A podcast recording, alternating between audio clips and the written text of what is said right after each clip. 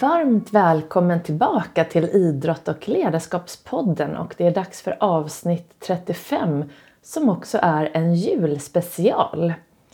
Och eh, i det här avsnittet så har jag bjudit in Jamina Enedal som också har besökt podden tidigare, närmare bestämt i avsnitt nummer 6. Och eh, vi kommer att ha ett litet annorlunda upplägg den här gången. Det kommer vara lite mer diskussioner mellan mig och Jamina om olika ämnen som vi själva har stött på under året. Hinder, framgångar och vi kommer väldigt mycket in på det här med självbilden, självkänslan och hur du egentligen bygger den. Så pratar vi om mål och önskade lägen så här inför nyår och det nya året pratar också mycket om vad framgång är och Jamina frågar mig en del om min egen resa och verksamhet och eh, Jamina delar också med sig mycket av sin fridykarresa. Så jag hoppas att det här sista avsnittet för året kan inspirera dig riktigt mycket på din egen resa inför 2019 och framåt. Så trevlig lyssning och eh, nu kör vi!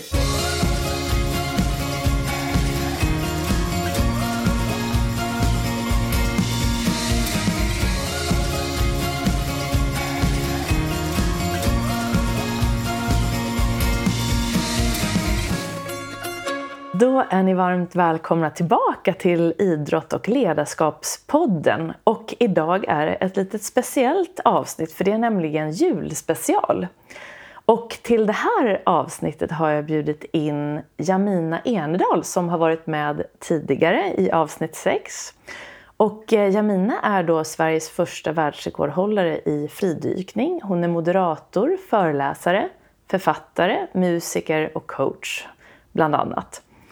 Och vi tänkte prata om många olika saker som vi har stött på det här året. Både vad gäller hinder, framgångar och vad vi har lärt oss på vägen. Och vi tänkte också prata lite om mål och hur man egentligen ska göra för att nå dem. Och om du överhuvudtaget behöver dem. Och så blir det också en hel del om hur det är att driva en verksamhet framåt. Varmt välkommen hit Jamina! Tack så mycket! Kul att vara här! Jättekul att du är här. Verkligen. det är så otroligt fin julstämning här idag också med fina ljus och tomtar och fina växter som hör julen till. Ja, jag har verkligen ansträngt mig. Jag älskar julen och eh, det är härligt. Och jag har framförallt en väldigt stor gran med tanke på att lägenheten inte är jättestor där vi befinner oss. Men den är väldigt fin och den har jag nu som utsikt här bakom dig så det känns mycket trevligt. Verkligen. Jaha, du Jamina, du var ju med här i avsnitt 6 och det är ju nästan två år sedan nu. Mm. Och sedan dess har det ju hänt massor. Eh, men jag tänkte för de som kanske inte vet exakt vem du är så kanske du kan berätta lite om det. Vem är egentligen Jamina Enedal? Ja, det där är alltid en spännande fråga. Och jag tänkte faktiskt på den här frågan, för jag tänkte att jag skulle säkert få den på vägen hit. Och ofta när man får den så tänker man ju, alltså, då tänker man ju egentligen på vem man har varit. Alltså någonstans ens gamla meriter och allting sånt. Det är egentligen det den syftar till. Men någonting som jag tänkte så här att ja, men till idag så ska jag nog försöka beskriva mig, alltså vem jag är idag. För jag tänker det här med att liksom världsrekordet i fridykning och så, det är på sätt, alltså på sätt och vis, det är ju väldigt många år sedan jag gjorde mm. det. Eh, och det är klart att det ligger som en bas för, liksom, för vem jag är och liksom den resa jag gjorde. Men jag tänker att det som är kanske mest intressant är väl egentligen vem är jag nu och vem vill jag bli? Så jag tänkte jag skulle svara utifrån det. Låter perfekt. Ja. Och då tänker jag att just nu så är jag eh, entreprenör och eh, jag lever min yrkesvision som jag satte 2003 som innebär att utgöra en så stor positiv skillnad som möjligt i så många människors liv under mitt yrkesverksamma liv. Och tidigare eh, så har det varit så att de här olika delarna som du beskrev, liksom musikern, författaren, liksom moderatorn, coachen och så vidare, har varit ganska separerade. Men det som har hänt nu de senaste åren är att alla de här liksom, delarna i mig har liksom kommit ihop i en enhet. Eh, och kommer liksom fram i rollen som digital entreprenör. Där jag får nytta av allting jag har gjort tidigare. Allt ifrån att jag har varit fridykare till att jag har ledit stora projekt. Till liksom interkulturell kompetens, till att hålla på med musik och ljudproduktion. Ja, men allt ryms i det. Och det är ganska härligt eh, faktiskt också att vara på det här experimentet och se vad händer. För att jag, jag tänker ju mycket liksom att livet är ett härligt experiment när alla de här egenskaperna man har, liksom, när man använder allt man har i sig och när man kan göra det alltså, utan tvekan och utan att behöva ägna sig åt liksom, ja, men, trivialiteter. Mm. Och issues. Man kan bara köra. Vad händer då? Så det är mitt nya experiment och där befinner jag mig precis just nu. Mm. Parallellt då med att jag eh, föreläser, modererar. Jag älskar ju att sätta mig in i nya ämnen, alltså möta nya grupper, få nya perspektiv. Och sen så har jag mina coachingklienter som drar mig ner liksom i verkligheten. För någonstans att, alltså det livet som jag lever är ju ganska annorlunda på så sätt att jag liksom, ja men att stå inför grupper, vara på konferenser eller liksom Alltså det är på något sätt, jag brukar säga att det är, inget, det är liksom inte verkligheten.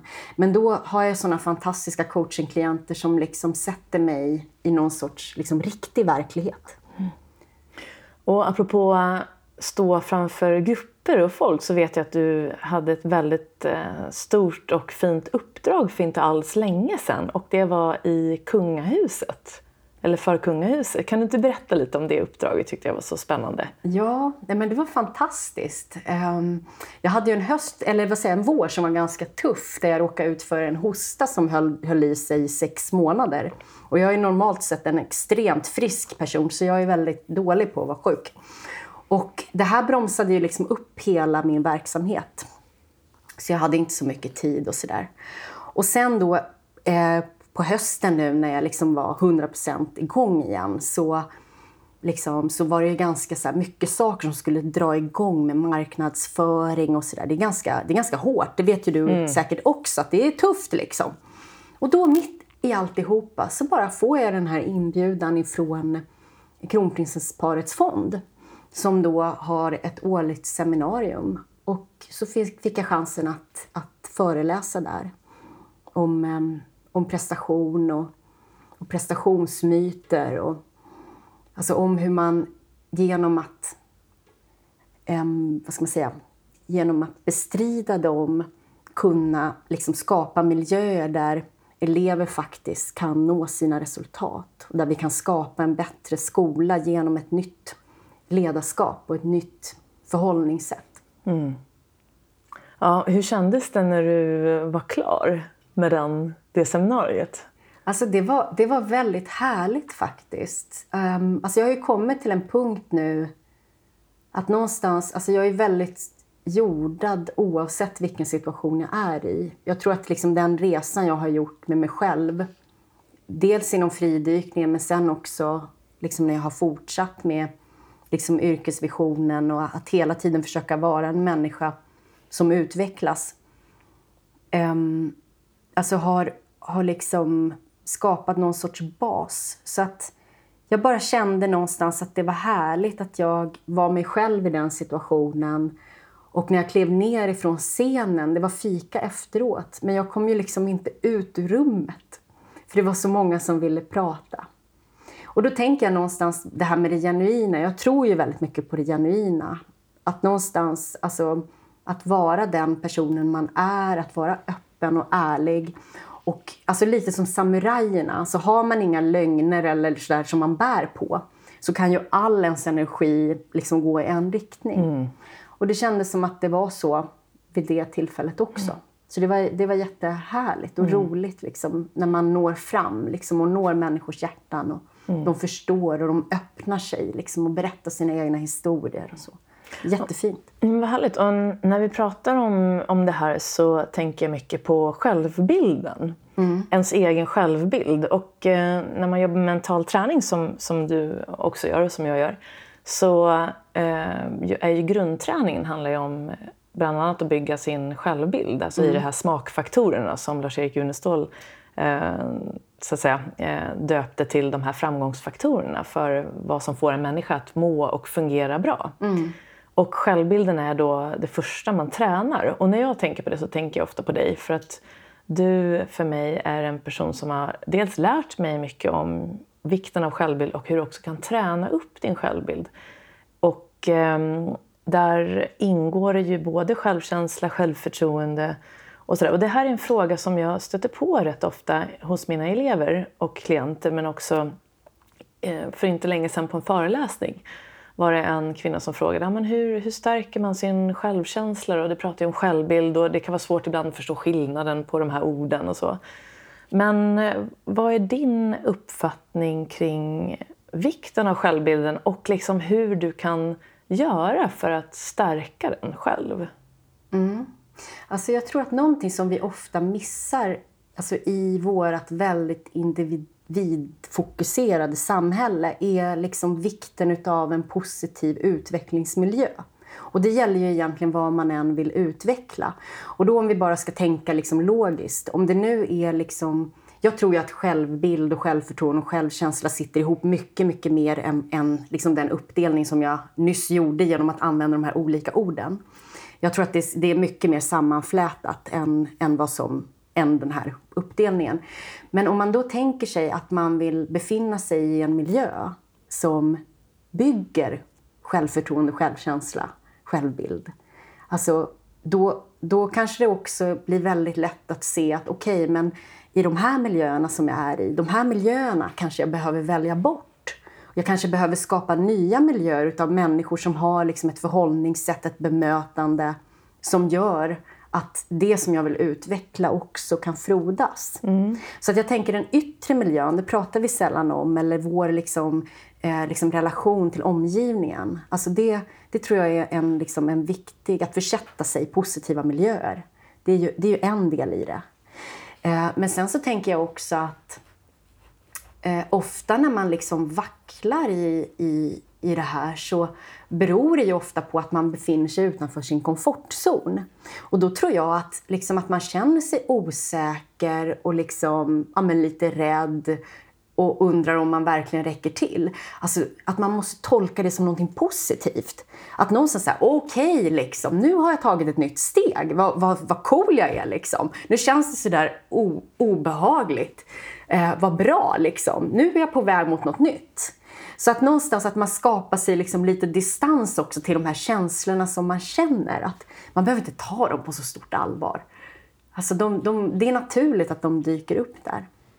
Men sen tänker jag också, alltså om det handlar om systematiskt att förbättra sin självkänsla och sitt självförtroende, sin självbild, så tror jag också att det handlar om att liksom se så här, okej, okay, men vem är jag nu? Och vem vill jag bli? Och någonstans försöka leva sig in i den här inre bilden av vem man vill bli. Hur känner den sig? Hur pratar den med sig själv? Hur, liksom, hur går den inre dialogen? För jag tänker mycket att i den inre dialogen så bygger vi ju faktiskt vår egen miljö. Och när jag säger inre dialog så menar jag, alltså hur, alltså hur går tankarna, hur går snacket i det egna huvudet? Alltså säger vi till oss själva liksom att, um, alltså, ja, um, typ eh, att jag är älskad och omtyckt liksom, oavsett hur det går just nu. Eller, eller är det så här att ja, men om inte jag presterar nu, då är jag helt värdelös. Så att, att jobba liksom med sitt, sitt egen, sin egen kommunikation och se sig själv som... Alltså en, en bild kan ju vara till exempel att dela upp sig själv i en ledar, ett ledarjag och i ett litet jag. Och det här lilla jaget, liksom som är kanske den lilla flickan i Amina till exempel eller så. Att fundera över så här, okej, okay, nu har vi en liten flicka här som behöver träna sin, själv, sin självkänsla och sin självbild. Okej, okay, men då behöver ledarjaget prata med henne på ett sätt som gör att hon kan växa. Så det kan vara lite sådana liksom, tips. Det där, jag tänker på när man stöter på... Eh, inom, det här året har jag faktiskt flera gånger stött på det här eh, vikten av att se sitt inre barn, eller sitt lilla jag. Då, eller, eh, och både ifrån med yogan, Men också inom psykologin så pratar man ju mycket om det här att du, att du alltid har det här lilla barnet så att säga, inom dig. Mm. Och att ett bra sätt att eh, hantera det här är att dels förstå att det här barnet faktiskt behövs och behöver få ett utrymme, till exempel i lust och att det inte alltid får vara kravfyllt utan det behöver kunna leka och så vidare. Och att man alltid behöver vara förälder själv till sitt eget barn så att säga. Ja. Och just det där perspektivet, det låter, när man läser psykologi så är det mycket inom det. Men, men att det för mig, i mig, när jag har stött på det både i yogan och sen även faktiskt Berne Erlandsson som var med i den här podden för två eh, veckor sedan. Eh, han har skrivit en bok om emotionell träning, tar också upp det här. Mm. Um, och jag vet att en coach som jag gick till eh, också tyckte att jag själv då skulle uh, sätta upp ett foto på mig själv när jag var liten bredvid uh, mitt skrivbord och komma ihåg. Och det var vid en period när jag själv hade väldigt mycket krav och det var ansvar och, och sådär. Att jag behövde komma ihåg att faktiskt det här lilla barnet också behöver få utrymme. Mm. Eller hur? Och då, då, kan man kalla det det lilla jaget och ledarjaget. Det är lite samma. Ja. Tänker ja, du på precis. samma sak? Ja, absolut. Mm. Precis så. Men vad spännande Jenny. Vad var det för situationer som gjorde att du började tänka på det här? Ja, men det var... Jag tror att... Alltså det, jag har nog gått igenom lite olika stadier så där, i min utveckling. Framförallt väldigt mycket de senaste åren, sedan jag själv fick barn. Och eh, när jag var VD för Birdie Golf Tours så fick jag ju två barn. Så jag var mamma och även ledare. Och någonstans där så förstod jag ju eh, att det blir mycket ansvar när man har sitt, sina egna barn så att säga helt plötsligt att ta hand om. Och sitt företag. Så det blev väldigt mycket ansvar helt enkelt. Jag glömde liksom bort mig själv. Mm. Och det gjorde ingenting i början. Så är det ju att vara förälder. Liksom man är ju på något sätt där för sina barn. Så är det ju. Men när de blev lite större sen, när det hade gått några då, då är det viktigt att komma ihåg återhämtningen och eh, försöka få in de här bitarna själv. Och det var då jag stötte på det här faktiskt första gången då, hos en psykoterapeut eller en coach som jag gick till. Mm. Som pratade om just vikten av att verkligen lita på att det är okej okay att ha kul själv. Och liksom, om du vill gå på bio, liksom, gå på bio själv. Eller liksom, inte glömma bort sig själv. Och då tänker jag på det här med syre. Man brukar säga när man eh, reser, du vet det flygvärdinnorna säger innan man ska resa. Att när syrgasmaskerna kommer ner så måste du först ge till dig själv och sen ge det till ditt barn. Mm. Och det där syrgasen hade jag ju själv inte gett mig mm. alls. Mm. Um, men, och då tyckte jag så här, och det var, för mig var det en så här lite aha-upplevelse. Just när han sa det där att jag skulle ha det där fotot. Liksom. För att jag, jag, jag, tänker väldigt mycket på det, men ibland glömmer jag bort det. Men just att komma ihåg det där att Gud, vad vill eh, lilla Jenny liksom idag? Ja, men äta en chokladboll. Liksom. Så då kan jag köpa en chokladboll på fiket för att det var ju någonting som jag verkligen älskar. Ja. Så att möta den där lilla Jenny, det behövs bara lite, lite grann sådär ja. då och då. Ja. Och då är det liksom fine. Så att jag är liksom, har hittat min, min, mitt föräldraskap, inte bara till mina egna barn utan till mitt eget barn. Och jag tänker på, apropå det här att bygga en stark självkänsla, mm. så tycker jag det är ganska härligt. Alltså, just det här när man befinner sig i lite utmanande situationer så är det otroligt viktigt, tänker jag, att veta vilka de här kärnmänniskorna är. Mm. Apropå det här med självkänsla och självbild och allting. Mm. För att någonstans så... Jag tror att i alla fall för mig så var det så att man kommer liksom till en viss punkt och så inser man så här, men vad är egentligen viktigt på riktigt? Och då märker man så här, ja men det är ju de här människorna som jag älskar. Och faktiskt så är det så här att oavsett hur det går för mig just nu så älskar de mig i alla fall. Mm. Mm. Och då blir det liksom då kan man egentligen man kan gå upp på vilken scen som helst. Man kan utsätta sig för i princip vilken utmaning som helst. Och vet man det så, är det liksom, så har man allt att vinna men inget att förlora. Mm. Och när du säger om just det här att känna att, någon, att man har folk som älskar en oavsett hur man presterar eller inte så tänker jag på Pia Nilsson som jag hade med i podden för det var det här året. Och hon berättade om Annika Sörenstam när hon skulle vara med i en stor tävling som heter Colonial när hon skulle vara den första kvinnan som tävlade med männen mm. på PGA-touren. Och de hade ju tränat inför det och Pia var ju hennes coach och hjälpte henne lite grann även på den tiden. Eh, hon var ju hennes första coach när hon var i landslaget i Sverige. Men i alla fall. Och då berättade hon att när hon då skulle upp den dagen och skulle liksom, det blev ju väldigt stort det här, Colonial, jättemycket media, mer än de någonsin kunde ana. Alla var där och skulle, liksom, speciellt då första utslaget på första tid, hur mycket press som helst. Och då berättade Pia att eh, hon hade träffat Annika där och så hade Annika sagt, nej men känner mig liksom, nej nu, jag är riktigt nervös nu. Och då hade Pia sagt så här, ja men vad som än händer så kommer, nu tror jag att det var Charlie, Charlie fortfarande älskar dig. Och det var hennes katt. Ja! det var liksom det, att säga rätt sak vid rätt tillfälle. Ja. Det var liksom, och hon slog ut den där bollen på fairway. Ja, exakt. Det var ett väldigt bra perspektiv. Ja, verkligen. Ibland, och just det där att, för det kan vara rätt svårt ibland. Jag vet att när jag tävlade så försökte jag få det där perspektivet. Det gör ingenting om jag inte presterar. Mm. Det kommer gå bra. Men, men någonstans inom mig så hade jag liksom inte riktigt fått in det ordentligt. Så att jag mm. kunde fortfarande bli så pass nervös att, inte, att jag inte kunde prestera. Mm. Um, så att, uh, att skapa bilder av uh, just även självbilden. Att jag, till exempel jag duger som jag är oavsett hur jag presterar, om nu det är ett problem. Mm. Det är ju viktigt att göra eh, liksom i god tid innan. Inte bara när man står där på, i mitt fall då, första tee. Då räcker det inte, eller hur? Nej, man måste ju träna långsiktigt. Ja. Och i tid, förberedande. Absolut. Och jag tänker också det här att någonstans, om man har en målsättning, till exempel att integrera en sån, en sån bild av sig själv, så handlar det ju också om att samla på alla positiva situationer där man kan få bekräftelse för att det faktiskt är så.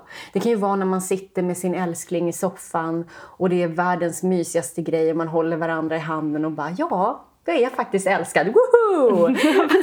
och så låter man det liksom alltså så här, adderas. Så att det är lite som att man på något sätt sätter på sig så här, eh, liksom självkänsleglasögon. Och sen så, sen så ser man till att träna när det är positivt. För då har man på något sätt, liksom, då kan man på ett lätt sätt addera en ny självbild.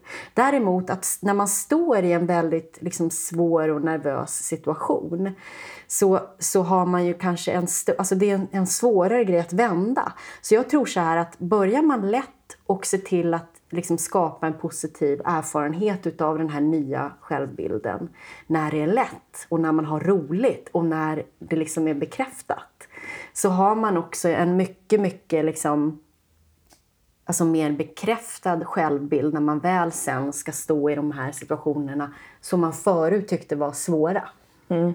Ja, precis. Och, och, sen så för att påminna sig, för jag brukar säga det att det är en färskvara, det här med självbilden eller självkänslan. Det är inte det att några, liksom, man föds med en, man kanske föds med en god eller liksom sämre självkänsla på ett sätt, men det är oftast miljön som påverkar. Och då kan det hända att man har fantastiska föräldrar som verkligen bekräftar dig för den du är och kanske inte för prestationen. Eller så är det tvärtom, att man får bara bekräftelse för prestationen och då blir det ju svårt att tro att man duger för något annat. Men sen kan det ju komma en lärare som gör på något annat sätt och sen kommer en ledare eller en chef som gör på ett annat sätt. Så att, att träna själv regelbundet är ju verk, verkligen viktigt, eller hur? Mm. Och, och, jag brukar någonstans, första gången jag läste om Bra-boken, det tror jag var i Mia Törnbloms bok som heter Självkänsla nu, men den finns också med i många studier om, det är liksom lite grann eh, lektion ett i självbildsträning, där du skriver ner varje dag tre saker som du är stolt över, tre saker du är tacksam för, tre saker du behöver hjälp med. Mm.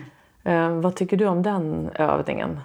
Alltså den sätter ju fokus på precis de sakerna som som, alltså som frågeställningarna är. Och det är också någonting som är väldigt viktigt när man pratar om mental träning. Det finns ett amerikanskt eh, uttryck som jag tycker är bra eftersom det rimmar. Så, eh, och det är... Eh, vänta, nu ska jag säga här. Energy flows where the mind goes. Och någonstans, alltså sätter man fokus på vad jag är stolt över till exempel, så blir det ju att man fyller sin hjärna med den typen utav liksom, saker. Och så upplever man ju helt plötsligt att oj, vad mycket, vad mycket positivt jag har att vara stolt över. Mm. Eh, så att det, frågorna är ju otroligt viktiga och de finns ju också med i den här inre dialogen. Alltså, och det gäller ju verkligen att bli medveten om hur man pratar till sig själv. Mm. Vilka, alltså dels vad säger jag? Men vad frågar jag mig själv också? Alltså, jag tycker den här... Jaha, vad har det hänt för skit idag då? Mm. den är rätt skön den scenen. jag tror den är i... Vilken film är den ifrån nu? Är det fucking Åmål? Den har inte jag sett. Nej, men det är någon, någon svensk. Ja. Vad ska hända för skit idag? Ja. ja. jag menar, ställer man sig den frågan varje, varje dag så, ja, så, så kan man säkert räkna upp väldigt många saker när man går och lägger sig på kvällen. Så. Men det blir ju verkligen så som man tänker. Och det är ju så, som Lars-Erik Unestål brukar säga, liksom att vi skapar vår egen framtid. Mm. Um, med de bilder som vi målar upp för oss själva. Mm. Antingen med vår inre dialog eller ja, men det man ser och, och hur man pratar både till andra mm. och med sig själv. Så språket är så himla viktigt. Ja.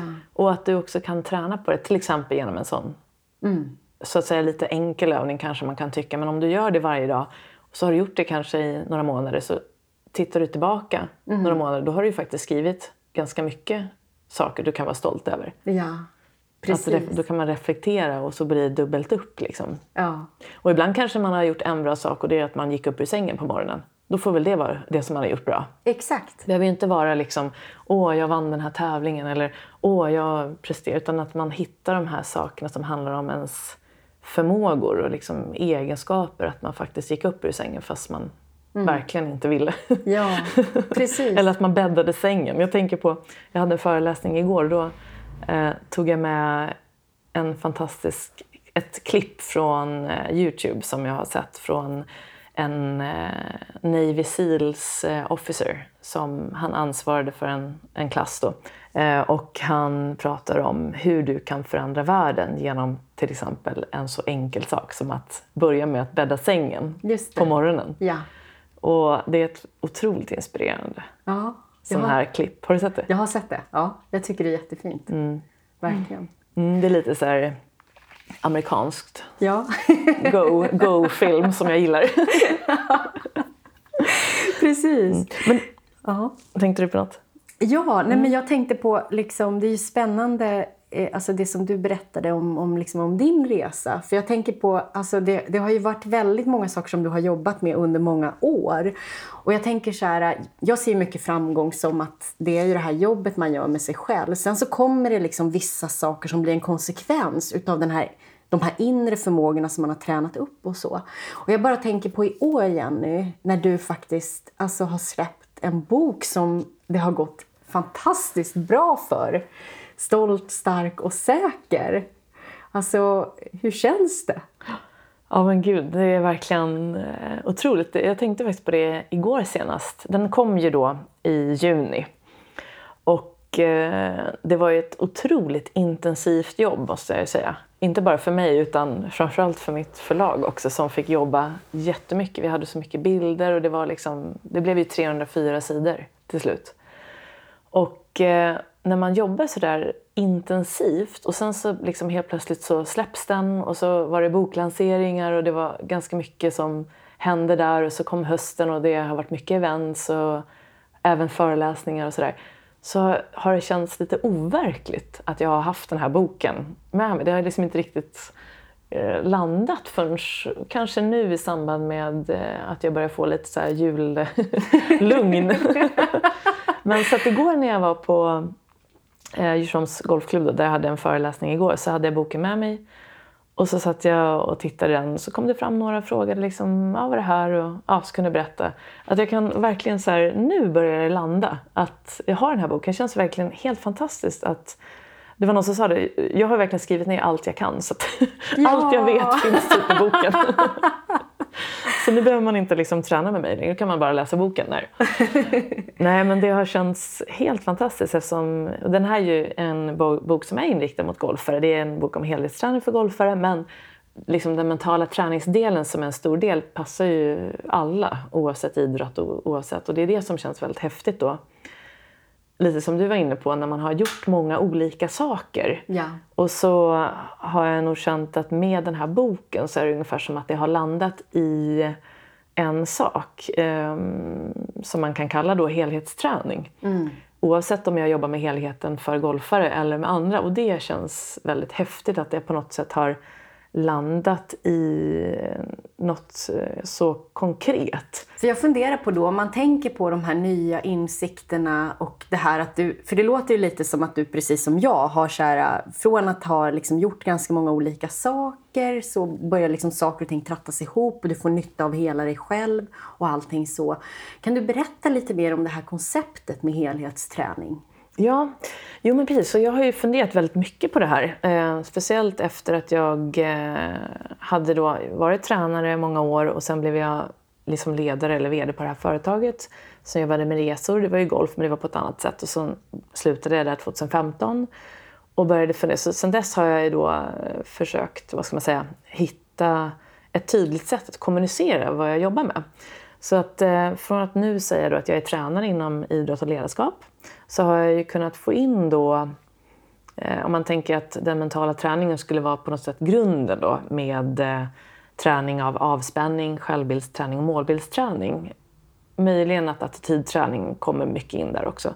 Så har jag i avspänningsträningen nu också kunnat få in den här delen som jag blev eh, ännu mer intresserad av för tre år sedan. Det är medyogan då. Och även mindfulness som jag har utbildat mig till som instruktör. Och jag tycker att de delarna verkligen förenar sig så himla väl med just avspänningsträningen och självbildsträningen i den mentala träningen. Så att där skulle jag nog säga att min helhet nu, ehm, och det här kan ju då så att säga vara både golfare och ledare och liksom vem som helst som egentligen vill må och fungera bra. Men perspektivet kommer då in från eh, den mentala träningen med de här två, vad kan man kalla lite mer kropp, man tränar kroppen och hjärnan på ett mjukare sätt. Um, så det tycker jag känns för min egen del väldigt skönt att veta hur, hur jag jobbar med de här delarna med mina elever. Då. Och när det kommer till golfare så finns det en teknikdel som jag jobbar med men kanske mindre och mindre ska man säga. Även om golfare har en stor del så är ju de andra delarna handlar ju om helheten hos människan jag jobbar med. Mm. Och då är det så häftigt att få in just med yogan då, som jobbar verkligen med att släppa på spänningar i viktiga områden där faktiskt framförallt golfare som kanske står i ibland lite obekväma positioner i svingen och man utsätter ryggen för skador. Så det är inte bara att stärka och jobba med rörligheten utan även med att släppa inre spänningar. Mm, just det. Visst är det häftigt när man jobbar med det inre, vad som händer i det yttre? Precis. Och jag, har en, jag har ju tre sådana här fantastiska övningar som jag kan dela med mig av. Jag brukar säga det på mina föreläsningar, apropå det här när du tävlar i golf och du har gjort din förberedande träning och allting och sen när du är där så kanske du ändå blir nervös. På gränsen till att det går över till rädsla. Och det här har jag testat på mig själv på tävlingar där jag har känt att nervositeten kommer. För det kan ju komma, i mitt fall var det att jag skulle spela med sponsorer och ja, det kändes viktigt. Och det kan ju bli samma stress som det var på Europatouren. Och för amatörer så kan det vara att man ska spela med någon som man inte känner och så vidare. Och då har jag tre bra tips. Och det ena är att andas med vänster näsborre. Andas genom vänster näsborre för då aktiverar du ditt lugn och ro-system. Och vill man veta mer om det kan man lyssna på Göran Boll i, jag tror att det är avsnitt 33. Och sen så har jag massera hjärnknapparna och det är två punkter som ligger under nyckelbenen. Finns med i min bok, eh, bild på det. Men man masserar precis, nu har jag precis mikrofonen där, men precis under nyckelbenen ungefär i samma avstånd som om man tar ut långfingret och tummen. Och där har man två artärer som förser hjärnan med syrerikt blod. Och när man masserar där då ökar det tillförseln av syrerikt blod till hjärnan som får då mer syre. Mm. Fungerar bättre, man blir mer koncentrerad. Och den lärde jag mig av Susanne Wolmesjö som eh, också är med i min podd här förra terminen, eller förra säsongen. Och eh, det var för många år sedan när hon jobbade just med smarta rörelser. Och den tredje är att verkligen få in fokuspunkten innan jag startar min sving. Mm. Fokuspunkten är en punkt som ligger 10 cm under naveln. Och där kan du till och med liksom dra in musklerna lite grann för att få lite så här, en liten ett fokus där som, ett, som, en, som en trigger kan man säga. Mm. Och fokuspunkten lärde jag mig av Igor Ardori som också mm. är med. Just det. i podden. Men, men, eh, och de tre grejerna, och liksom, f- det är så coolt och skönt att ha verktyg när du är i spel. För eftersom vi spelar golf så himla länge, det håller, kan ju hålla på fyra fem timmar, Just det. så kan det hända väldigt mycket med tankarna under spelets gång. Det kan gå bra och så går det dåligt, så slår du ett bra slag. Flera hål i rad går bra och så kanske du gör ett dåligt utslag. Och du blir så utmanad i möjligheten att börja tänka negativt. Och då tycker jag att det är viktigt att ha konkreta verktyg att ta till. Och då är det ganska roligt för börjar man andas med vänster näsborre då är det alltid någon som kommer fråga vad du håller på med. så då börjar man liksom, om inte annat så har man något roligt att prata om i bollen. Det är jättebra. Jag bara tänker på om man skulle ta det som vi gjorde inom fridykningen och göra det på golfbanan. ja. Alltså det är så himla komiskt för att inom min sport då så var det så här att eh, alltså det stora blå präglade ju hela, alltså den filmen, eh, Luc Bessons film. ja, herregud. Fantastisk Eh, film. Ja, den är helt fantastisk. Men den är ju tio år före det första VMet. Så att när, liksom, när fridykningssporten var liksom i sin linda så hade alla, apropå målbilder, så hade ju alla den bilden, alltså bilderna från filmen när de sitter och mediterar och allting sådär. Så att de första fridykartävlingarna, jag började ju Eh, jag började ju år 2000 med fridykning. Men de första fridykningstävlingarna så var det ju fullt utav liksom mediterande människor som liksom hade suttit så här flera timmar och fokuserat. Och det var ju liksom ja, men personer som stod på huvudet. Och, alltså det var liksom, det var så, alltså det var faktiskt ganska, det är komiskt när man tittar tillbaks på det. Men så märkte vi ju liksom, alltså hela det där Alltså hela fridykningsresan för mig blev ju väldigt mycket ett undersökande av psyket och hur det fungerar. Och då märkte jag så här att det som faktiskt alltså skapar den absolut bästa prestationsmiljön, det är att man precis innan loppen busar, skojar, har liksom så här spännande, roliga, alltså glädjefyllda samtalsämnen med sina eh, kompisar. Och tar en brottningsmatch på gräsmattan. Så jag ser mig framför mig nu, Jenny, en massa golfare som bara har värsta brottningsmatcherna innan de ska slå, sitt, sitt slag. Caddyn och golfaren bara så här, kör värsta wrestlingmatchen. Det låter ju fantastiskt. Men det är så härligt, därför att brottning, liksom, dels är det fysiskt, så man får ju liksom ut sin, sina fysiska spänningar. Plus att det är så lekfullt och kul och utmanande. Och i fridykning handlar det väldigt mycket om avslappning. Så att det jag upptäckte det var det att lekfullhet, glädje, bus, liksom hela vägen fram, alltså för det är ju också många timmar innan man liksom, det är dags för ens lopp. Så skapa en så rolig och härlig och kul och eh, liksom härlig gemenskap som möjligt i början. Och sen när det är dags, vi har liksom Ja, men vi, vi har två minuter tills vi ska starta och så sker en nedräkning från två minuter till start. När man hoppar i vattnet dags för nedräkningen, då, pang, då är det ett nytt tillstånd. Mm. Då fokuserar man på andningen. Då fokuserar man på att hålla positiva, alltså att få den här sköna känslan. Att man tar med sig de här människorna som man älskar, alltså med sig i diket och bara känner den här kraften att liksom, ja, Ja. att man är, man är älskad och omtyckt. Ja men exakt. Och det där är ju lite som, man skulle faktiskt kunna göra sådär på golfbanan också. Brottas och ha kul.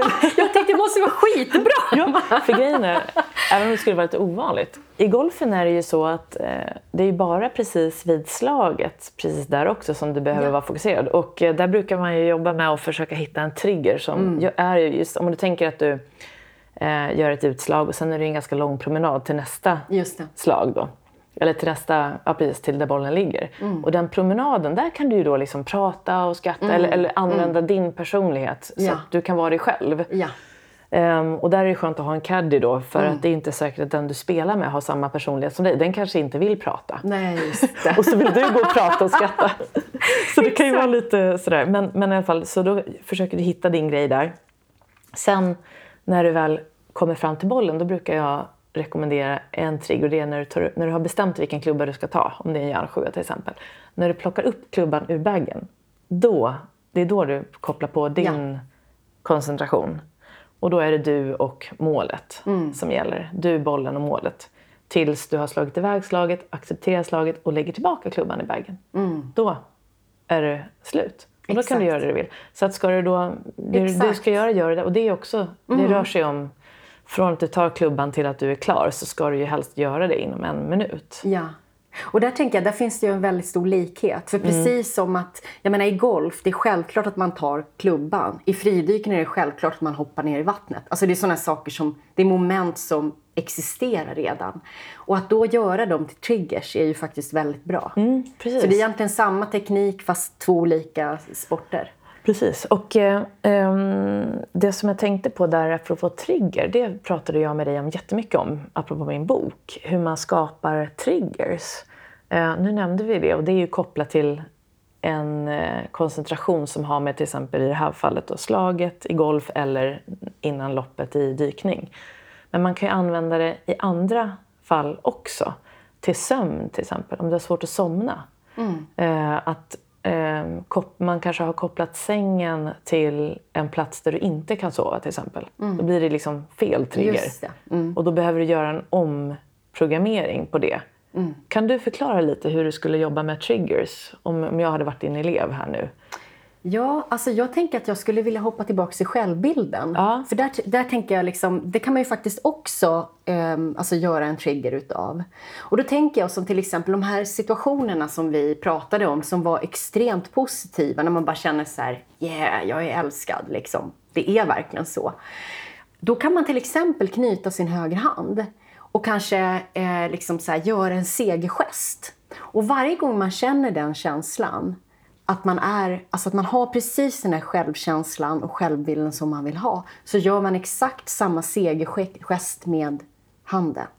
Och på det sättet så befäster man den här känslan i gesten. Så sen när du gör gesten i en random situation, kanske på en tävling eller så fort du knyter handen så får du delar av de känslorna tillbaka. För du har liksom preppat den här gesten med liksom den här härliga känslan. Så det är ju liksom, det är grunden för, för triggers. Men jag tänker också att man kan ju skapa triggers genom mental träning också. Alltså att man gör det när man är djupt avkopplad. Att man till exempel kopplar en viss känsla till, ja, men till, att, eh, ja, men till, till exempel att man plockar upp sin klubba eller så. Ehm, och det, det kan man göra på ett väldigt systematiskt sätt genom det program som finns till din bok till exempel. Mm. Ja men precis, så där har ju du spelat in den tillsammans eh, med mig. Eller vi har ju gjort den tillsammans men det är du som har spelat in den och producerat den och allting. Och den är ju fantastiskt bra just för att få den här ordningen som vi pratar om. Lära dig avspänning, först muskulär avspänning och sen eh, mental avslappning, självbildsträning och sen målbildsträning. Och så kan man då välja olika triggers till olika saker. Eller hur? Så du kan ju ha en grej med att du spänner handen som kanske är kopplat då till en god självbild eller en stärkande självbild. Sen kanske du har eh, en annan till som du gör ihop med din avspänning då. Och när du har lyssnat på programmet som är en kvart långt, där du, när du då är djupt avslappnad så använder du den triggern. Precis. Ja, det är coolt. För att det är just att förändra ett beteende är ju svårt. Vi vet ju att det är lätt att prata om det så här, men vi alla vet ju det att för att ett beteende verkligen ska kunna förändras så behöver vi gå in i ett djupare tillstånd för att göra en förändring och, och repetera ofta. Ja, träna. Träna, eller hur? Mm. Och det är ju liksom, jag tror att det här är någonting som kommer att bli större och större i framtiden. Ehm, med att, och vi kommer att behöva det mer och mer också om man tittar på alltså de framtidsprognoser också som man ser. Alltså när man tittar på till exempel digitaliseringen, automatiseringen och så vidare. Så, och hur det kommer liksom rita om hela arbetsmarknaden och så. Jag menar, det är ju redan på ingång nu liksom att, menar, att optimera sin liksom prestationsförmåga. Alltså både genom kost, alltså mental träning och sådär. Det, det har ju liksom, även om den mentala träningen har funnits sedan 70-talet så är det ju liksom, det känns som att nu när Liksom när, när kraven liksom höjs mer och mer på arbetsmarknaden och det är liksom flera Alltså det är svårare att få ihop liksom ett bra livspussel och hitta balans och sådär. Så kommer ju liksom det här in. Eh, och där tänker jag någonstans så här att det är ju viktigt också. Alltså det är ju en sak att vilja optimera prestation. Men någonstans blir ju det ganska dött om det inte är så att man samtidigt försöker, alltså vill optimera alltså ett, ett positivt liv, ett positivt bidrag till andra. Alltså att bli en bättre version av sig själv, eh, tänker jag. Mm. Och eh, du, apropå det att jag tror många inte riktigt förstår eller vet hur, hur man kan jobba med just eh, att skapa sin egen framtid. Och att du har liksom alla verktyg inom dig. Eh, men att man inte alltid kanske eh, förstår dem. Jag kan göra en felprogrammering som vi pratade om till exempel. Mm. Det kan ju vara som jag kopplar då sängen till att jag inte kan sova. Mm. Då blir det ju svårt att sova tills mm. jag har accepterat att det är okej att jag inte somnar. Mm. Och då kanske det går över. Sen finns det ju sömnprogram som man kan jobba med och massa tips kring det. Men att, att, att förstå hur, hur vi påverkar oss själva så att säga. Och där mm. tycker jag att den mentala träningen är så himla bra. Och igår när jag hade en föreläsning, det var ett gäng juniorer. De var mellan 13 och ja, 12 och 18. Mm. Vad kul ålder! Ja, verkligen. Och då, då var det en när jag kom in på målbildsträning så var det en kille som sa, men okej, så att om man vill uppnå någonting så ska man skapa en tydlig bild utav det först. Mm. Och liksom, mm. ja, precis, exakt så. Den Just där bilden ska vara så tydlig ja. så att du ser dig själv exakt hur det är när du är där. Ja. Start with the ending first. Börja med det önskade läget först. Vart vill du liksom? Och, och verkligen skapa en tydlig bild, gärna måla upp den. Eh, sätta upp den på garderobsdörren, titta på den så att den skapar riktigt härliga känslor. Då börjar det skapa energi och motivation i nuet så att man orkar göra de här grejerna som kanske ibland är tuffa då mm. för att nå dit. Om man kanske ska behöva ändra ett beteende. Ja. Jag kanske behöver gå upp tidigare på morgonen för att träna om jag nu ska ja. bli starkare till exempel. Och egentligen så är det ju rent naturligt någonting som vi har med oss. För man tänker liksom leken till exempel. Alltså den är ju helt fantastisk. Alltså man, man, man leker, alltså jag tänker när barn utvecklas så sätter de sig in i olika roller och situationer genom leken. Mm. Och på det sättet så skapar de liksom sin, sin personlighet och sin förmåga liksom att hantera mm. olika saker och så. Och egentligen det här med målbilder, det är ju egentligen samma sak. Jag, jag tänker på så att Alltså typ så att använda sin fantasi och, och tänka så här, det där vore roligt om det hände. Och så fyller man liksom den bilden med, med, med det som man drömmer om. Ja, och det är perfekt tänkt. Nu är vi så här mot slutet av året ju, 2018 och vi går snart in på 2019. Många människor börjar tänka på nyårslöften. Okej, ett nytt blad ska vändas. Nu är det snart första januari, nytt år och sådär. Mm. Och möjligen att det är rätt bra att sätta sig ner och reflektera. Om jag nu hade ett trollspö mm. här mm. och så fick jag önska mig vad jag ville. Ja. Vad skulle jag önska då? Ja. Och, och, och jag tror nästan att det är så här, det är också någonting som man brukar höra att, liksom att if you can dream it, you can do it. Mm. Oftast har man inte drömmar som man inte kan, alltså om man verkligen tänker efter en, en riktig dröm du har är förmodligen någonting du också kan göra. Det är klart att jag ibland kan drömma så här, åh tänk om jag bodde på ett slott. Eller, liksom, eller nu drömmer jag i och för sig inte om det längre, men det kanske kan vara så. Men då är det oftast kanske innerst inne är det verkligen det du vill. Precis. Så att de här riktiga drömmarna, det är oftast någonting du kan göra. Så att man ska inte vara rädd för att drömma. Nej. Man ska inte vara rädd för att ta upp det där trollspöet och våga önska precis vad man vill, om allt var möjligt. Den här mirakelfrågan. Liksom. Mm. Om du vaknar upp imorgon och allt är precis som du vill att det ska vara. Mm. Och jag vet att det kanske inte är så, men vi säger att du har alla pengar i världen, all mm. tid i världen. Vad är det du skulle vilja då? De frågorna, där gömmer sig så himla mycket utav hjärtats längtan. Ja, Eller hur? Det är sant. Och den där tycker jag är ganska spännande. Jag brukar faktiskt leka med den själv. Alltså jag tycker det är väldigt intressant, alltså just det här. För det är också ett tecken på om man är på rätt väg. För jag tänker så här, om du hade alla pengar i världen och sen så, eh, till exempel, eller att du, liksom allt var möjligt. Vad skulle du göra då? Och så är svaret, alltså svaret på den frågan är det som du planerar att göra imorgon då vet du också att du är på rätt väg. Just det. Är du med? Ja, jag fattar.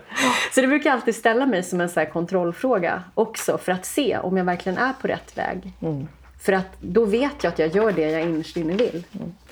Men om man nu ska... Ibland när jag har den här frågan med i mina mentala träningskurser så är det ju oftast någon som säger så här, men jag vet att det inte går. Jag vet ju att jag inte har de möjligheterna. Um, och, och, redan där så sätter de ju upp ett hinder. Och, och, och det här är ju eh, barn i vuxen ålder, tänkte jag säga. Det är ju vuxna människor eh, som kanske är liksom 50. Vilket är jätteungt.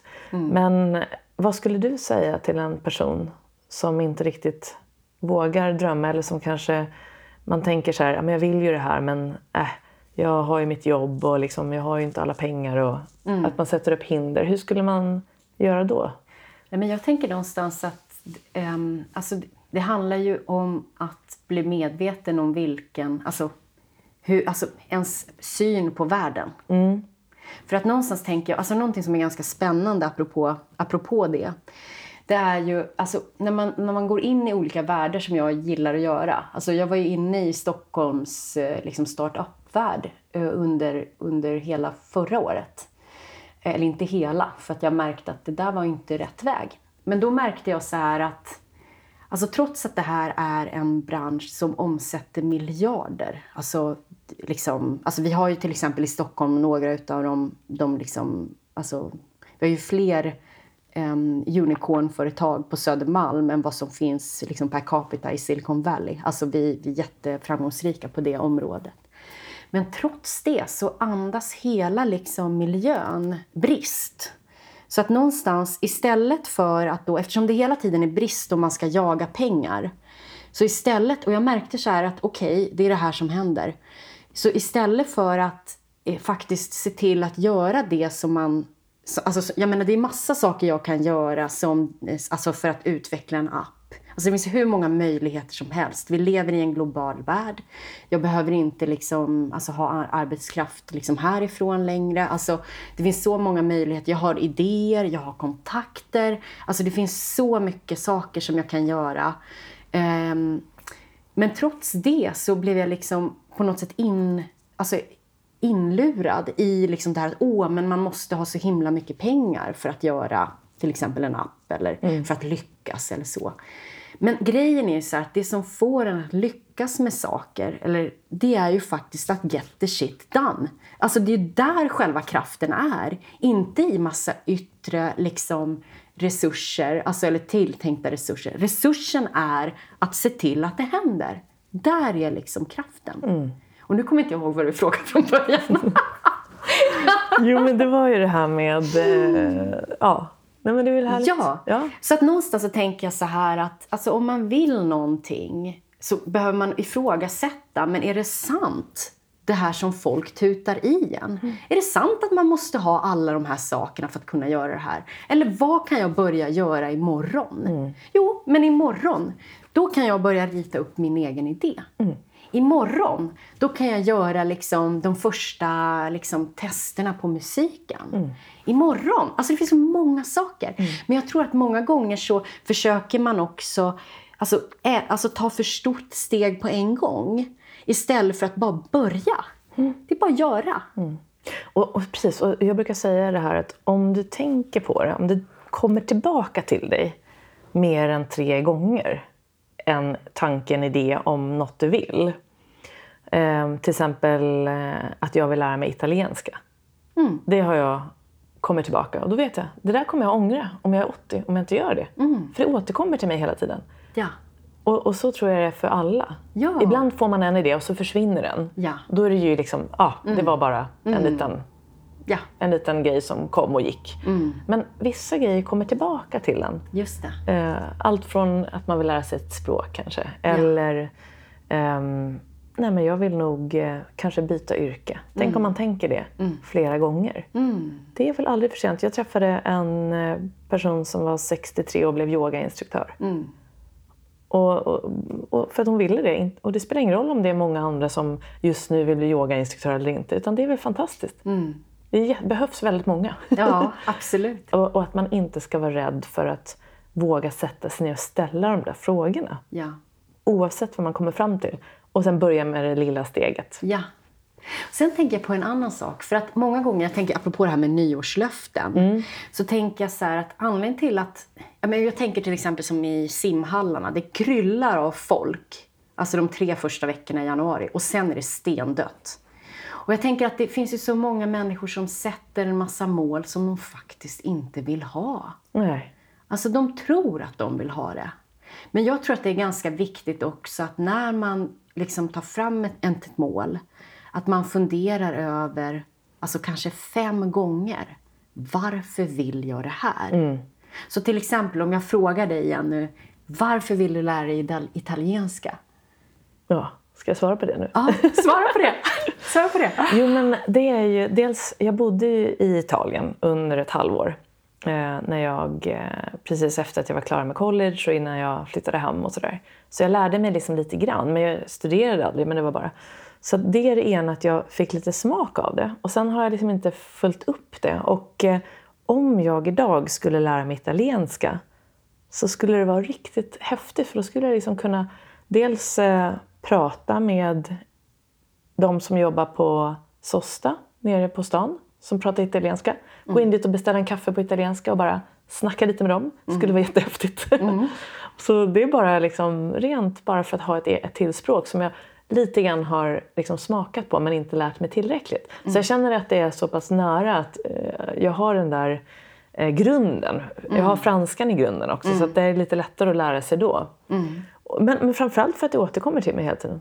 Så jag har ju det här babbel nu på min Just det, telefon. just det. Och, och det är faktiskt himla bra. Sen har jag ju då eh, inte utvecklat det hela vägen, men absolut. Varför fick du smak för det? Nej, men det är ju någonstans den här romantiska bilden av att kunna uttrycka sig på ett romantiskt språk, tror jag. Och varför vill du uttrycka det på ett romantiskt språk? För då känner jag mig mer levande. Och varför vill du vara mer levande? Ja, precis. Bra fråga. Det är ju för att känna att jag lever helt enkelt. Bara för att jag kan helt enkelt. Jag känner att det finns kunskap inom mig som jag vill få ut och som jag har där och som jag vill använda. Nu landade vi på samma svar två gånger. Då har vi nått kärnan. Ja, Så du vill lära dig italienska för att du vill bli mer levande. ja exakt. Och hur viktigt för dig, alltså i ditt liv just nu, på en skala från 1 till 10, är det att bli mer levande? Ja, men det är väldigt viktigt faktiskt. Det är uppe på 8, 9, 10 faktiskt. 8, 9, 10? Absolut. För, för mig är att vara levande, det är ju att vara mig, helt mig själv. Och eh, att omge mig med kärlek, alltså sprida kärlek själv. Omge mig med kärlek. Och där tror jag att italienskan också kommer in. För för mig står italienska mycket för kärlek helt enkelt. Det är ett kärleksfullt språk. Härligt. Så om du, alltså låt oss säga att du blir mer levande. Hur skulle det påverka resten av ditt liv? Ja, gud. Det skulle vara en otroligt härlig känsla av eh, närvaro, tror jag. Kunna vara helt närvarande och liksom känna att, att man inte ångrar någonting. Utan att man lever just nu. Ehm, jag tror verkligen att kärlek och att vara levande hör ihop. Liksom. Och det är på något sätt kärnan i eh, att hitta det där för att hitta harmoni. Och, och då skulle det kännas som att man verkligen eh, levde fullt ut och då gör det ingenting om jag dör imorgon. Vad härligt! Det låter som du har väldigt goda anledningar att lära dig italienska. Eller hur? En sån Ja. liten sak. Men är det inte ofta, ofta så att det gömmer sig så mycket mer i någonting som man önskar och längtar till? Och det är så bra när du frågar sådana där saker för då, då kommer man ju ner till kärnan. Och om det finns en grund i en önskan, som till exempel att känna sig mer levande och känna mer kärlek, då är det ju väldigt goda anledningar till att man ska göra det där lilla extra som behövs för att just sätta sig ner och plugga italienska i mitt fall. Eller om det är att man vill lära sig piano eller lära sig någonting nytt. Ta det där steget, söka ett nytt jobb. Eller kanske ta steget av att eh, lämna en trygg situation man är i, som man tror är trygg, till någonting annat. Och våga ställa sig de där kärnfrågorna. Precis. Vad har- längtar du efter, Jamina? Oj! Alltså, just nu så känns det som att jag är så mycket i... Alltså jag lever verkligen min... Alltså min vision och min dröm. Alltså jag är i min dröm. Och, så att nu är jag nog ganska fokuserad på att bara liksom... Alltså att fortsätta utveckla den här appen och liksom fortsätta liksom utveckla eh, alltså mina föreläsningar och, alltså, och modereringen och liksom fortsätta på den här banan. Eh, så att jag känner någonstans, alltså det kanske låter jättekonstigt men jag har nog liksom jag har nog landat i min dröm. Alltså jag lever min dröm. Alltså om jag skulle få frågan till exempel om alla, allt var möjligt, vad skulle du göra imorgon? Ja men då skulle jag göra det jag ska göra imorgon. Jag skulle skapa mappar åt min programmerare. Mm. Alltså.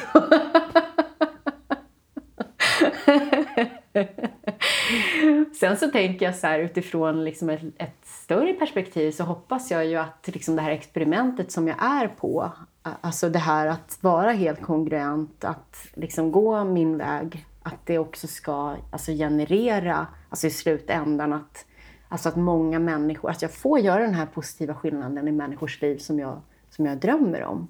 För jag märker ju att det skapar, alltså det är det som skapar störst värde för mig.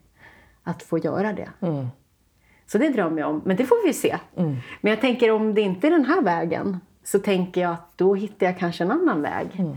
För det är ju alltid så också, man är ju hela tiden i ett lärande. Vilket är kul. Du sa ju något så himla bra, du har ju de här tankehoppen i din, är det Facebook du lägger upp dem i? Eller? Ja, de finns på både på Facebook och Youtube. Men det är så att Facebooks spindlar gillar inte Youtube. Så att jag måste lägga Nä. dem direkt eh, ifrån... Ja, precis. Jag lägger dem på Facebook och Youtube. Men, men då fastnade jag för ett tankehopp du hade om eh, framgång. Mm. Vad är framgång? Ja. Eh, kan inte du berätta om det? Ja, ja just det. Jo, men det är ett litet, ett litet så här tanke experiment, eller det gör jag ju i de här tankehoppen, eh, vrider och vänder på saker och ting. Ja, men det är ju det här att när vi pratar om framgång, om, om jag bara säger det ordet, vad får du för bilder i huvudet då av framgång? Nej, men, eh, nej, men det är ju oftast liksom att jag lyckas med någonting som jag har satt upp som ett mål. Tror jag. Ja. Eh, jag är ju har ju förstått att det handlar om inre framgång. Så jag tänker mycket på framgång för mig har ju oftast med sådana saker att göra i ja. min bild av framgång. Och när jag ser en annan människa som känns, känns lycklig och som är sig själv, då tänker jag att den är framgångsrik. Mm. Men, ehm, men det är ju inte den bild kanske som alla har om framgång. Precis. Men jag tänker ju mycket på så här om, om till exempel om man, om man bläddrar i ett magasin om framgångsrika människor. Liksom, hur ser det ut då? Eh, eller om man slår på TVn och någon har liksom varit framgångsrik så tänker jag då är det röda mattor, det är, liksom, ja, men det är prispallar, det är medaljer och mm. så vidare. Liksom, mm. Allt det här. Mm. Liksom, så. Mm. Men någonstans så tänker jag att framgång är ju väldigt mycket en konsekvens alltså utav en jättelång kedja av händelser och val. Och i själva verket, om man nu ska titta på det liksom med mikroskop, så tänker jag så här att det är ju när man gör, alltså framgång egentligen är ju en ganska eh, kan ju vara en ganska obehaglig känsla egentligen. Alltså, det är ju när man står där och kanske övervinner sin rädsla. Eller man, man, liksom, man, man liksom pressar sina, alltså, sina sina, alltså man pressar fram sina mål och tar det där liksom klivet som kräver kanske den där extra ansträngningen som man inte har gjort tidigare. Det är ju då man har framgång. Men det är ju inte då man står på röda mattan eller tar emot medaljen. Så att egentligen när man står på röda mattan eller tar emot medaljen eller är i mål eller och så vidare. Då har man ju redan haft framgången. Så att framgången syns inte. Men ett tecken på framgång, det är ju ofta att man känner en viss obehagskänsla. Mm. För då är man i, i rörelse och då mm. spänner man bågen. Ja, precis, för det var det du sa just att eh, när du nästan känner att det är som värst. Mm. Du vet, man, man nästan är på väg att ge upp eller eh, du stöter på problem och det är hinder och det är liksom, hur ska jag göra? Du sliter dig kanske ett hår över att någonting inte riktigt går din väg eller och, och, och liksom att det är tecken på att du är i rörelse, att du utvecklas och att du är på väg framåt. Det är inte så lätt att tänka på det just när man är i de där jobbiga eh, situationerna. Men att bli påmind om det, som du brukar ju vara så bra på att påminna om sådana saker när är när man uttrycker sig som att man har de här problemen, att det är de som är de viktiga Mm. för att just ta sig framåt. Ja. Och det är när du kliver över dem och kommer ur dem, vilket man alltid gör, Mm. hur jobbigt det än är. Mm. Ehm, att ju fler gånger du är där också, desto mer kanske du kan inse att allt handlar om lärdomar. Ja, Det finns inga misstag, det finns ingenting som kan utvecklas om det inte finns hinder på vägen. nej precis. Och någonstans så brukar jag tänka samma sak vid nervositet. Alltså, ehm, alltså någonstans, ibland så är man ju så nervös så det känns som att man kommer dö. Och då brukar jag tänka så här, vad bra, nu känns det som att jag är, håller på att dö. Nu har jag den här obehagliga liksom, cocktailen av en massa liksom, ämnen som kommer kunna få mig extremt fokuserad. Alltså någonstans att skilja på obehaget och skilja på liksom det som obehaget faktiskt kan leda till. Och liksom göra den här, att skapa en distans lite. Det är så viktigt. Jag kommer ihåg eh, Helena Alfredsson jobbar jag ju med lite grann, eller ganska mycket på de här, vi har eh, framförallt lite resor ihop och gör träningsskolor. Och hon är också med i den här podden i, jag tror att det är till och med andra avsnittet. Men hon har lärt mig väldigt mycket om just eh, nervositet. Eh, eftersom jag var en person som blev oftast nervös så att det kunde övergå till rädsla vilket gjorde att det hämmade mitt spel. Eh, och Helene är ju en person som verkligen har överkommit det där och lyckats prestera och visat sin mentala styrka när det gäller. Men det är inte det att hon inte blir nervös, men hon sa just det att liksom, det är så viktigt att man accepterar nervositeten. Okej, nu känner jag mig, jag är på väg att kräkas nu, men gå och kräks då.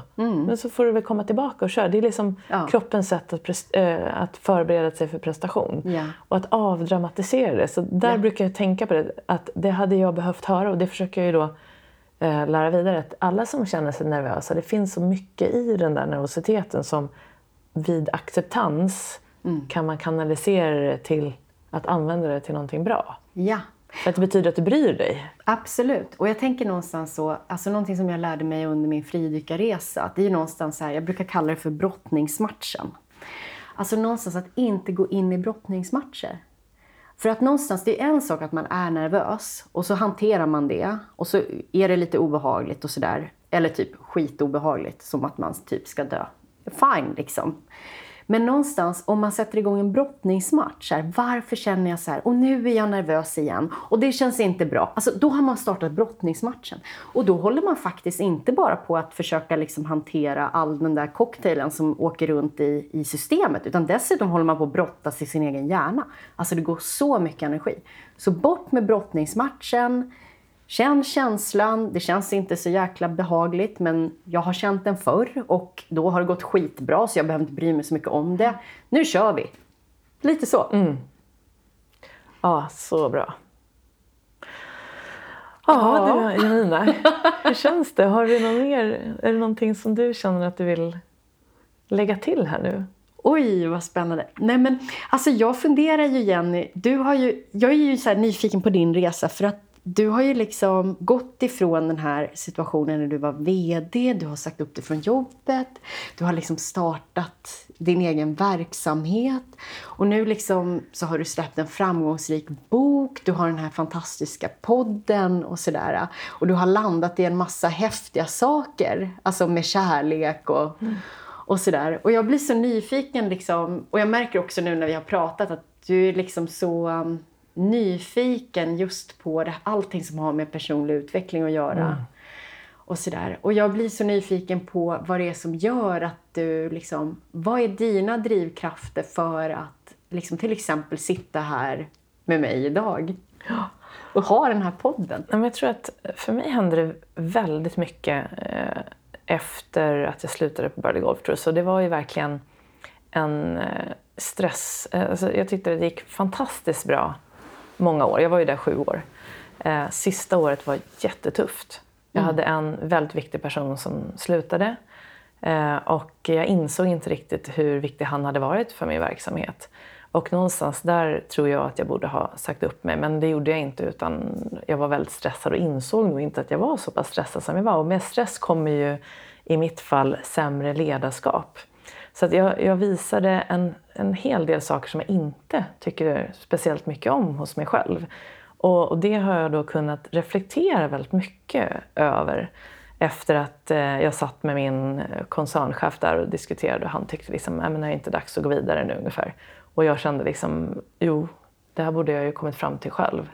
Så det gjorde ju att det blev ett avbrott i någonting som jag gjorde att jag fick reflektera väldigt mycket. Och komma tillbaka till mig själv kan man väl säga. För att eh, i samband med småbarnsåren och det där liksom, tuffa jobbet som var fantastiskt roligt samtidigt så tappade jag bort det där. Och det gjorde ju att jag kom, fick lov att dyka in igen i personlig utveckling som jag faktiskt har varit väldigt intresserad av alltid men liksom tappat bort det under många år. Och då eh, så kom det också den här frågan, vad ska jag göra nu? Ska jag liksom söka nya vd-jobb? Eller det var många som sa, men det är en färskvara, nu har du varit vd, nu borde du köpa, nu ska du liksom söka nytt jobb liksom som chef och sådär. Och jag tänkte så här, ah, ska man göra det? Och det var då vi pratade också om, ska jag köra eget eller ska jag söka jobb? Men eh, då satt jag ju med de här frågorna. Vad, om jag liksom hade alla pengar i världen, all tid i världen, vad skulle jag vilja göra då? Mm. Och försökte se mig själv om liksom fem år framåt. Och där någonstans började jag nog skapa en vision där jag bestämde mig för att jag hade tre starka drivkrafter. Och den första var att jag ville vara en närvarande mamma. Eh, som jag upplevde att jag inte hade varit alla år, de här småbarnsåren. Och jag ville ha en stark och, och lugn kropp. Eh, så att lugnet i kroppen var väldigt viktigt. Och sen det tredje var att jag ville skapa en värdefull verksamhet som verkar för att få människor att må och fungera bra. Eh, för att jag ville känna att jag skulle göra skillnad på mitt sätt. Och jag tror att den målbilden blev drivkraften till eh, bland annat podden. Ehm, som var ett sätt att eh, min nyfikenhet på hur andra hade gjort startade ju där. Hur gör andra människor som liksom, i min värld var framgångsrika där framgång då kan definieras som att du mår och fungerar bra, du har presterat bra och du liksom har också lärt dig hur du ska göra för att hitta balansen. Och, eh, så då kom liksom podden in i bilden och jag döpte den då till Idrott och ledarskapspodden. Eh, för att jag tänkte idrott och ledarskap var det som jag var intresserad av. Och eh, nej men sen har det ju liksom bara gått på. Det har ju varit, eh, vad ska man säga, många år, inte så många år egentligen, men typ två och ett halvt, nästan tre år. Det tar mycket längre tid än man tror. Jag tänkte så här, det tar ett år, sen har man ju kommit mm. igång. Mm. Och nu har det gått tre år. Mm. men, eh, men nyckeln har ju varit att eh, vad ska man säga, starta i rätt ände. Och, och det behövs inte... Nu är ju vi två i min familj. Alltså jag har en man som jobbar och, och jag har kunnat ha en period av där det inte har behövts liksom eh, lika mycket pengar som jag tjänade som VD utan det har gått bra med en lägre inkomst vilket har varit en trygghet. Och det betyder ju inte att jag inte behöver tjäna pengar. Men det har inte behövt liksom komma upp i så höga nivåer vilket har varit en trygghet. Eh, vilket jag tror har också lett till att jag har kunnat låta det växa i en lugn takt på något sätt. Mm. Just det, med dig. Med mig, precis. Mm.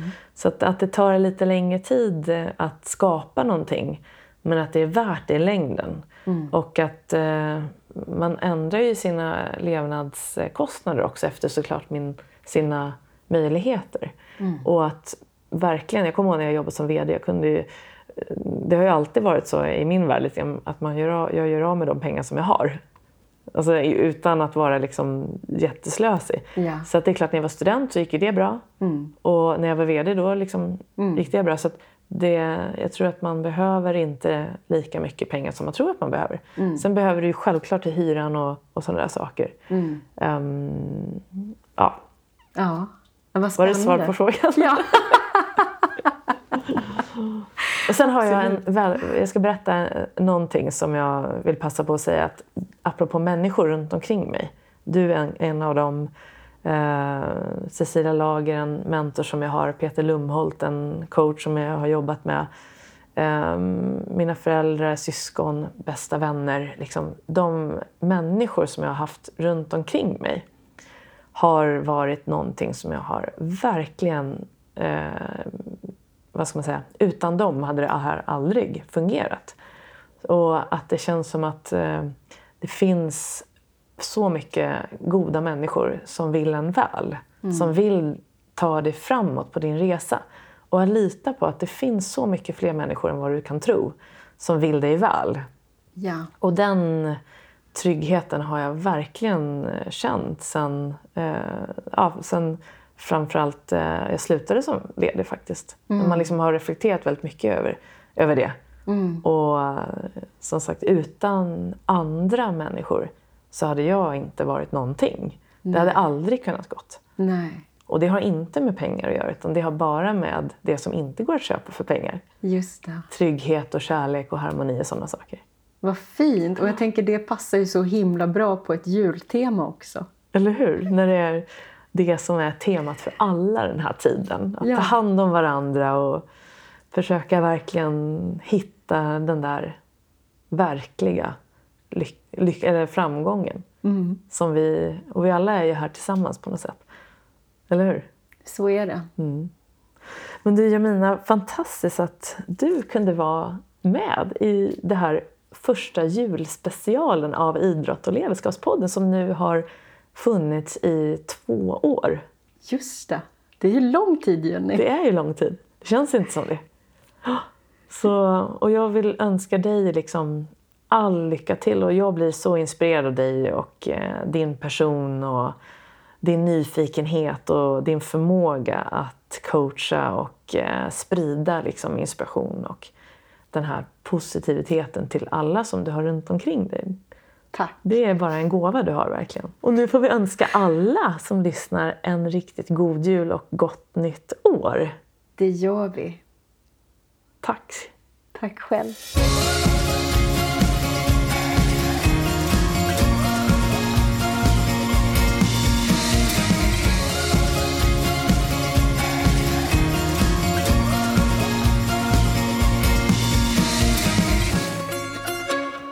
Har du fått lyssna till den här poddens första julspecial och jag hoppas att du fick med dig en hel del inspiration och kanske lite ny kunskap som du kan ta med dig in i din egen vardag.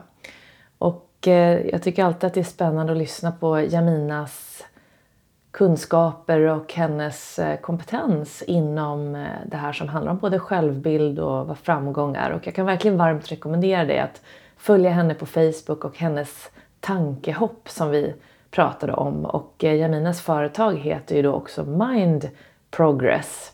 Så du hittar henne där under mindprogress.com om du vill veta mer eller kanske anlita Jamina på något sätt. Och eh, det här med att eh, se till så att vi inte kör för många brottningsmatcher hos oss själva. Det tycker jag var ett bra råd inför 2019. Så se till att du pratar positivt med dig själv, stärker dig själv för att därmed också kunna stärka andra. Och nu vill jag tacka dig som lyssnar och som har lyssnat genom åren på den här podden och jag vill önska dig ett riktigt, riktigt gott nytt år och en god jul. Ta hand om dig, dina nära och kära så ses vi. Hej då!